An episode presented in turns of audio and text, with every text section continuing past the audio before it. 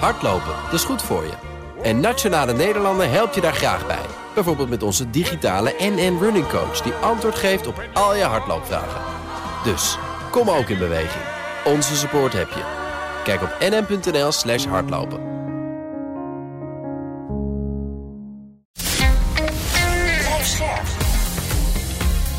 BNR Nieuwsradio. Boekenstein en de Wijk. Mark Beekhuis. Welkom bij Boekenstein en de Wijk. Het is dinsdag, dag 482 van de Russische oorlog in Oekraïne. Arend Jan, jou heb ik weer, eigenlijk net als gisteren. Uh, Rob moeten we straks weer even boven water halen ergens. En wij gaan het hebben in deze aflevering over een artikel van Neil Ferguson, geschreven bij Bloomberg. En dat heet America Still Leads the World, but its allies are uneasy. Dus Amerika leidt nog steeds wel de wereld, maar de bondgenoten die voelen zich er niet makkelijk bij. Dat herken ik wel. Ja, dat is een heel bekend uh, gegeven. En het is, dit is een, Neil Ferguson is een, is een belangrijke historicus, hè, die ook ontzettend veel opinieartikelen schrijft. Hè. En wat hij dan ook altijd doet, en dat vind ik altijd wel leuk, is dat hij dan ook historische vergelijkingen brengt. Hè. Hij laat dus zien dat de geschiedenis af en toe weer opsteekt. Hè. Nou, we hebben gezien nu dat het Westen staat tegenover China en, uh, en Rusland. Hè. Je zou Iran daar kunnen toevoegen, zelfs Saoedi-Arabië. En dan zegt hij van, hé, hey, dat grappig is dat. Dat was vroeger, hè, in de 19e eeuw, in het begin van de 20e eeuw... toen schreven dus die grote geopolitieke denkers, hè, zoals Halford G. Mackinder... of Nicholas Spikeman, notabene een Nederlander... die uh, aan de Amerikaanse universiteit verbonden was... die schreven dus over, zogenaamde Rimland en het Heartland. Hè. En de Rimland, dat waren wij en met name ook al die kuststaten en Japan erbij. Hè. En het Heartland was gewoon, zeg maar, de huidige Russische grondgebieden en met China daarbij. Hè. En McKenna zei van, nou, als je in staat bent, als Duitsland in staat is om Oost-Europa te beheersen, dan kan het uiteindelijk ook, uh, is het best geplaceerd om ook het hele Hartland, hè, dus zeg maar Rusland, te veroveren. Nou, dat is allemaal niet uitgekomen, want je weet, het is de, de Duitsers zijn ten onder gegaan hè, eh, bij, mm -hmm. Stalingrad. Hè. Maar nu komt het terug, want we hebben weer het Remland, hè, die verzet zich dus tegen die Russisch-Chinese uh, bondgenootschap. Nou, dat is natuurlijk niet helemaal klopt dat, want het is heel duidelijk dat er ook in dat Rimland, dus in het westen, hè, dat er grote spanningen bestaan tussen de economische belangen van Europa in China Europa wil gewoon heel graag veel geld verdienen in China. En de Amerikaanse druk om te gaan de-risken. Om dus te zeggen van luister eens, jullie moeten gewoon Amerika volgen. En we willen dat jullie afstand nemen van China en er ook minder handel mee drijven. Zie dus de druk op ASML uh, bijvoorbeeld. Hè. Nou, hier zie je dus dat er spanningen zijn binnen die Atlantische gemeenschap. En hoe zit het dan in elkaar? Nou, omdat Amerika natuurlijk in Oekraïne heel veel doet. Hè? Hoewel dus de EU-lidstaten bij elkaar opgeteld ook veel doen. Maar dan zit Amerika er wel nog boven dan de EU met elkaar opgeteld. Nou, omdat de Amerikaanse krijgsmacht belangrijker is dan al die opgetelde EU-krijgsmachten, kan Amerika ook druk uitoefenen op uh, Europa om te zeggen van ja, luister eens, jullie zijn militair van ons afhankelijk. Dan kunnen wij jullie politiek uh, dwingen om een beetje afstand te nemen van China. Ja, omdat wij Oekraïne zo belangrijk vinden, maken we ons daar ook kwetsbaar voor dan. Exact, exact. En, en dat, dat legt hij uit. Hij vindt dat wij dus dan Amerika daar helemaal in moeten steunen. Simpelweg omdat we ook dus militair zo afhankelijk zijn van de Amerikanen. Nou, jij, jij, zegt terecht in het voorgesprek, ja, als ik naar al die tabellen kijk, dan is het eigenlijk heeft Amerika maar 15% meer militair als je al die EU-lidstaten bij elkaar optelt. Hè? Ja, hij heeft een heel mooi grafiekje gemaakt waarin hij de bijdrage van alle landen en de EU als geheel en uh, de Verenigde Staten bij elkaar zet. En dan, dan spat de VS daaruit, want die doen echt veel meer dan hè, dubbel ongeveer wat, al, wat alleen al de EU-instituties doen. Maar omdat natuurlijk, ja, we hebben gewoon heel veel lidstaten. En die doen allemaal een klein beetje. En dat bij elkaar opgeteld is. Nou, het is net niet wat de VS doet, maar het zit toch wel in de buurt. Het scheelt iets van 15% geloof ik. Ja, Ja, ja, ja. En dat betekent dus dat hij een beetje dus het militaire argument uh, uh, overspeelt, zou, zou, ik willen zeggen. Maar het is wel zeker zo dat de, de, Nederlanders die luisteren gelijk. Hè, als de ASML-machine niet naar China mag en ook de tweede wat, wat dommere machine ook niet mag. Dus hij heeft wel een punt. Hè? Nou, waar hij ook aandacht aan besteedt, en dat is wel, daar is hij wel goed in. Ja, luister eens, ze vragen dus aan de Duitsers, hoe het vind je nou als er dus een oorlog zou komen tussen Amerika en China? Wat, moet dan, wat moeten de Duitsers doen over Taiwan? Hè? En dan 60% van de Duitsers, willen dan neutraliteit. Slechts 33% willen dat Duitsland Amerika steunt. Hè? Ja, en als, nou komt het, als China zou besluiten van ik ga eh, toch munitie en wapens leveren aan Rusland, dan wil slechts 37% van de Duitsers dat, dat er sancties worden geplaatst op China. Hè? Dus met andere woorden, je ziet hier dus wel heel duidelijk uh, het uiteenvallen van de Rimlands, zou ik willen zeggen. Het uiteenvallen van het Westen. Hè? Maar goed, terug naar het artikel. Ik vind het dus wel echt, wel echt een waarschuwing dat hij dus laat zien dat uh, de kans dat het Westen bij elkaar blijft, moet niet erg als heel groot worden gezien. Hè? Uh, en dat is ook weer gevaarlijk, want ja, om dus Xi uh, tegenstand te bieden in dat Taiwan-dossier lijkt het me beter als het Westen elkaar vasthoudt. Ja, ja en hij verbaast zich ook ergens in het stuk over het pessimisme van alle mensen waar hij mee spreekt. Ja, ja uh, als nu Trump weer terug zou worden verkozen, dan is Oekraïne natuurlijk verloren. Ja. is dat zo? Is het zo, zo één op één? Nou ja, het is, het, het, ik zou er toch wel erg wakker van liggen hoor. Want hij heeft dus die merkwaardige, mysterieuze relatie met Poetin. Hè? Hij heeft ook trouwens heel openlijk daarover gezegd: als ik president zou zijn, dan maak ik binnen twee dagen een einde aan die oorlogen. En daarnaast hij heeft dus gewoon de, de, de klassieke afschrikking van de NAVO, heeft hij dus gedenatureerd, heeft hij ondermijnd. Door gewoon te zeggen: van ja, ik weet eigenlijk niet of ik, of ik Europa wel te hulp kom dus die artikel 5 heeft hij gewoon uh, gerelativeerd. Ja, en dat is natuurlijk toch gewoon levensgevaarlijk. Ik moet er niet aan, persoonlijk maar ik niet aan denken dat Trump terugkomt. nee, dat is nog weer een ander verhaal. Maar ik kan me voorstellen dat als bijvoorbeeld Trump terugkomt, even gewoon speculerend, dat we dan zeggen: oké, de VS moet toestemming geven voor het leveren van F-16's, maar daar gaan we niet meer op wachten. We vinden het zo belangrijk. De VS helpt ons niet. Oké, dan kiezen we gewoon met de F-16's die we hier nog hebben voor Oekraïne. Nou kijk, daar zeg je iets heel interessants. Dat is eigenlijk een beetje de positie van de Oost-Europese uh, landen. Die willen dat graag. Trouwens, Nederland wil dat eigenlijk ook wel. Maar Nederland wil ook heel graag Amerika vasthouden. Uh, Oost-Europese landen zijn zelfs zo ver gegaan van als dus in uh, veel nieuws um, uh, Oekraïne geen uitzicht krijgt op lidmaatschap, dan zijn we misschien wel bereid om troepen te sturen. Het gaat heel ver, zo'n opmerking. Je ziet dus aan alle kanten dat er barsten zijn in het, uh, bast, uh, zeg maar in het bas, bastion van het Westen. En dat is eigenlijk alleen maar goed nieuws voor Amerika, want dan kan, kan hij het Westen uit elkaar spelen.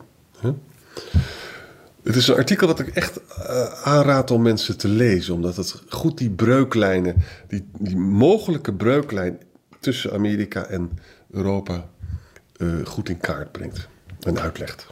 Ik zal bij de show notes een linkje zetten naar dit artikel van uh, Neil Ferguson. Ja.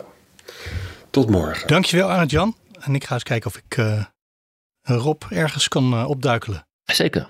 Net als gisteren op een andere locatie en op een andere tijd dan Arend Jan, maar wel gaan wij het over hetzelfde hebben. Ja. Wat is het belangrijkste wat Ferguson volgens jou zou willen zeggen met dit stuk? Ja, dat eigenlijk het, de denkwerelden van Europa en Amerika uit elkaar aan het lopen eh, zijn. Hij, eh, wat hij doet in het begin van het stuk, is hij eh, zegt van kijk, wat we, waar Amerika eigenlijk op uit is, is een soort uh, renaissance van de democratieën. Dus die democratieën moeten met elkaar samenwerken, eigenlijk ook tegen die autocratieën.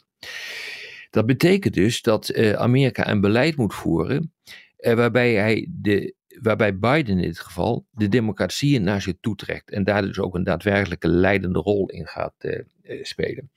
En het aardige is dat hij zijn stuk begint met een, een opmerking over het Global Trends 2040 rapport. Global Trends, dat is een rapport dat de, de gezamenlijke inlichtingendiensten van de Verenigde Staten produceren voor een nieuwe, nieuw benoemde president. Ik heb ooit een keer genoeg gesmaakt uh, om aan zo'n rapport mee uh, te werken. Het was buitengewoon interessant om dat te doen. Ehm, en wat daar gebeurt is dat echt wordt gekeken van wat zijn nou de scenario's van de toekomstige wereld. dat zo'n Global Trend rapport schetst er een aantal.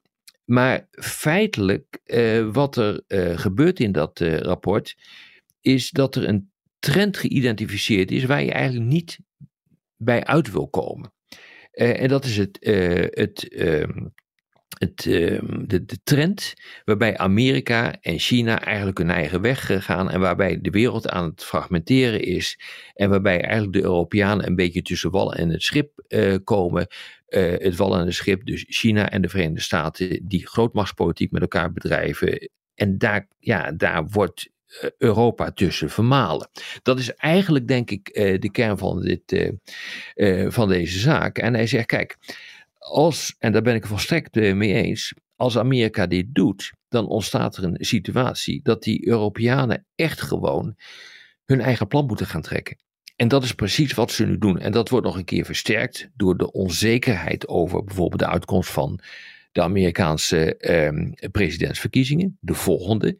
Eh, onder Trump ging het gierend fout, maar het kan natuurlijk na Biden weer gierend fout uh, gaan. En het meest opmerkelijk is, en dat deel ik ook met, uh, met Ferguson, dat hebben wij ook in de podcast wel eens een aantal malen besproken, is het, ehm, ja, het, het feit dat de Europeanen feitelijk zeggen, ja, wij moeten toch ons eigen plan trekken, ondanks dat Amerika op dit ogenblik, zeker op militair gebied, de leiding heeft genomen in de richting uh, van uh, hulp aan Oekraïne.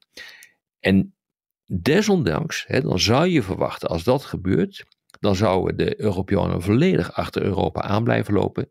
Blijven we toch hameren hier in Europa op economische, strategische autonomie, maar ook steeds meer militaire autonomie. En dat komt omdat we Amerika niet helemaal meer vertrouwen. Ja, en je zei achter Europa aanlopen. Ik denk achter de VS aanlopen, toch? Sorry, ja. Ja, ja. Maar, want dat is natuurlijk, uh, Ferguson zegt ja, Europa en de VS moeten samen blijven optrekken. En dat is heel belangrijk voor iedereen. Ja. Maar dan moet Amerika het wel een beetje leuk voor ons maken. Toch? Dat klopt. En dat, uh, je, je, je ziet dus dat er op een hele hoop punten echt heel verschillend wordt uh, gedacht. De Amerikanen die hebben ingezet op de decoupling bijvoorbeeld van uh, die Chinese economie met de rest van de wereld. Europeanen zien daar niets in. Dat heeft met name te maken met de Duitse positie ook, maar eigenlijk ook met de Franse positie. Die moeten er ook helemaal niks van hebben.